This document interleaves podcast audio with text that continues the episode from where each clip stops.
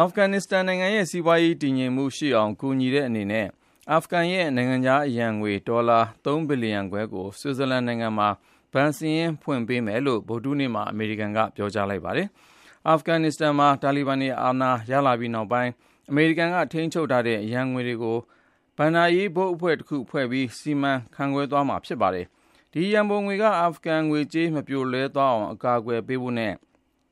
ပေးချေရမယ့် ကိစ္စတွေအတွက် အသုံးပြုဖို့ဖြစ်တယ်လို့ အမေရိကန် ဘဏ္ဍာရေးဝန်ကြီးဌာနက ပြောပါတယ်။လျှပ်စစ်ဓာတ်အားတင်သွင်းမှုနဲ့ အခြားသော အကျွေးပေးရမယ့် ကိစ္စရပ်တွေအတွက် နိုင်ငံတကာ ငွေကြေးအဖွဲ့အစည်းတွေကို ဒီရန်ပုံငွေကနေ ထုတ်ပေးသွားဖို့ဖြစ်ပြီး ဒီလိုလုပ်ခြင်းအပြင်နိုင်ငံတကာကပေးလာမယ့် ဖွံ့ဖြိုးတိုးတက်ရေး အကူအညီတွေ ဆက်လက်ရရှိအောင် လုပ်သွားရေးပဲ ဖြစ်ပါတယ်။အမေရိကန်ဘဏ်တွေမှာ ထိန်းချုပ်ခံထားရတဲ့ အာဖဂန်ရဲ့ နိုင်ငံခြားအရန်ငွေ ဒေါ်လာ ဘီလီယံပေါင်းများစွာကို ထုတ်ယူသုံးစွဲခွင့်ရဖို့ တာလီဘန်အစိုးရကကြိုးပမ်းနေဆဲဖြစ်ပါတယ်။ငွေတွေကိုအာဖဂန်ဗဟိုဘဏ်ထဲတိုက်ရိုက်ထည့်ပေးလိုက်မယ်ဆိုရင်ဒီငွေတွေဟာအာဖဂန်ပြည်သူတွေရဲ့အကျိုးစီးပွားအတွက်မသုံးဘဲဖြစ်သွားမှာကိုစိုးရိမ်တယ်လို့အမေရိကန်ဘက်ကပြောပါတယ်ခင်ဗျာ။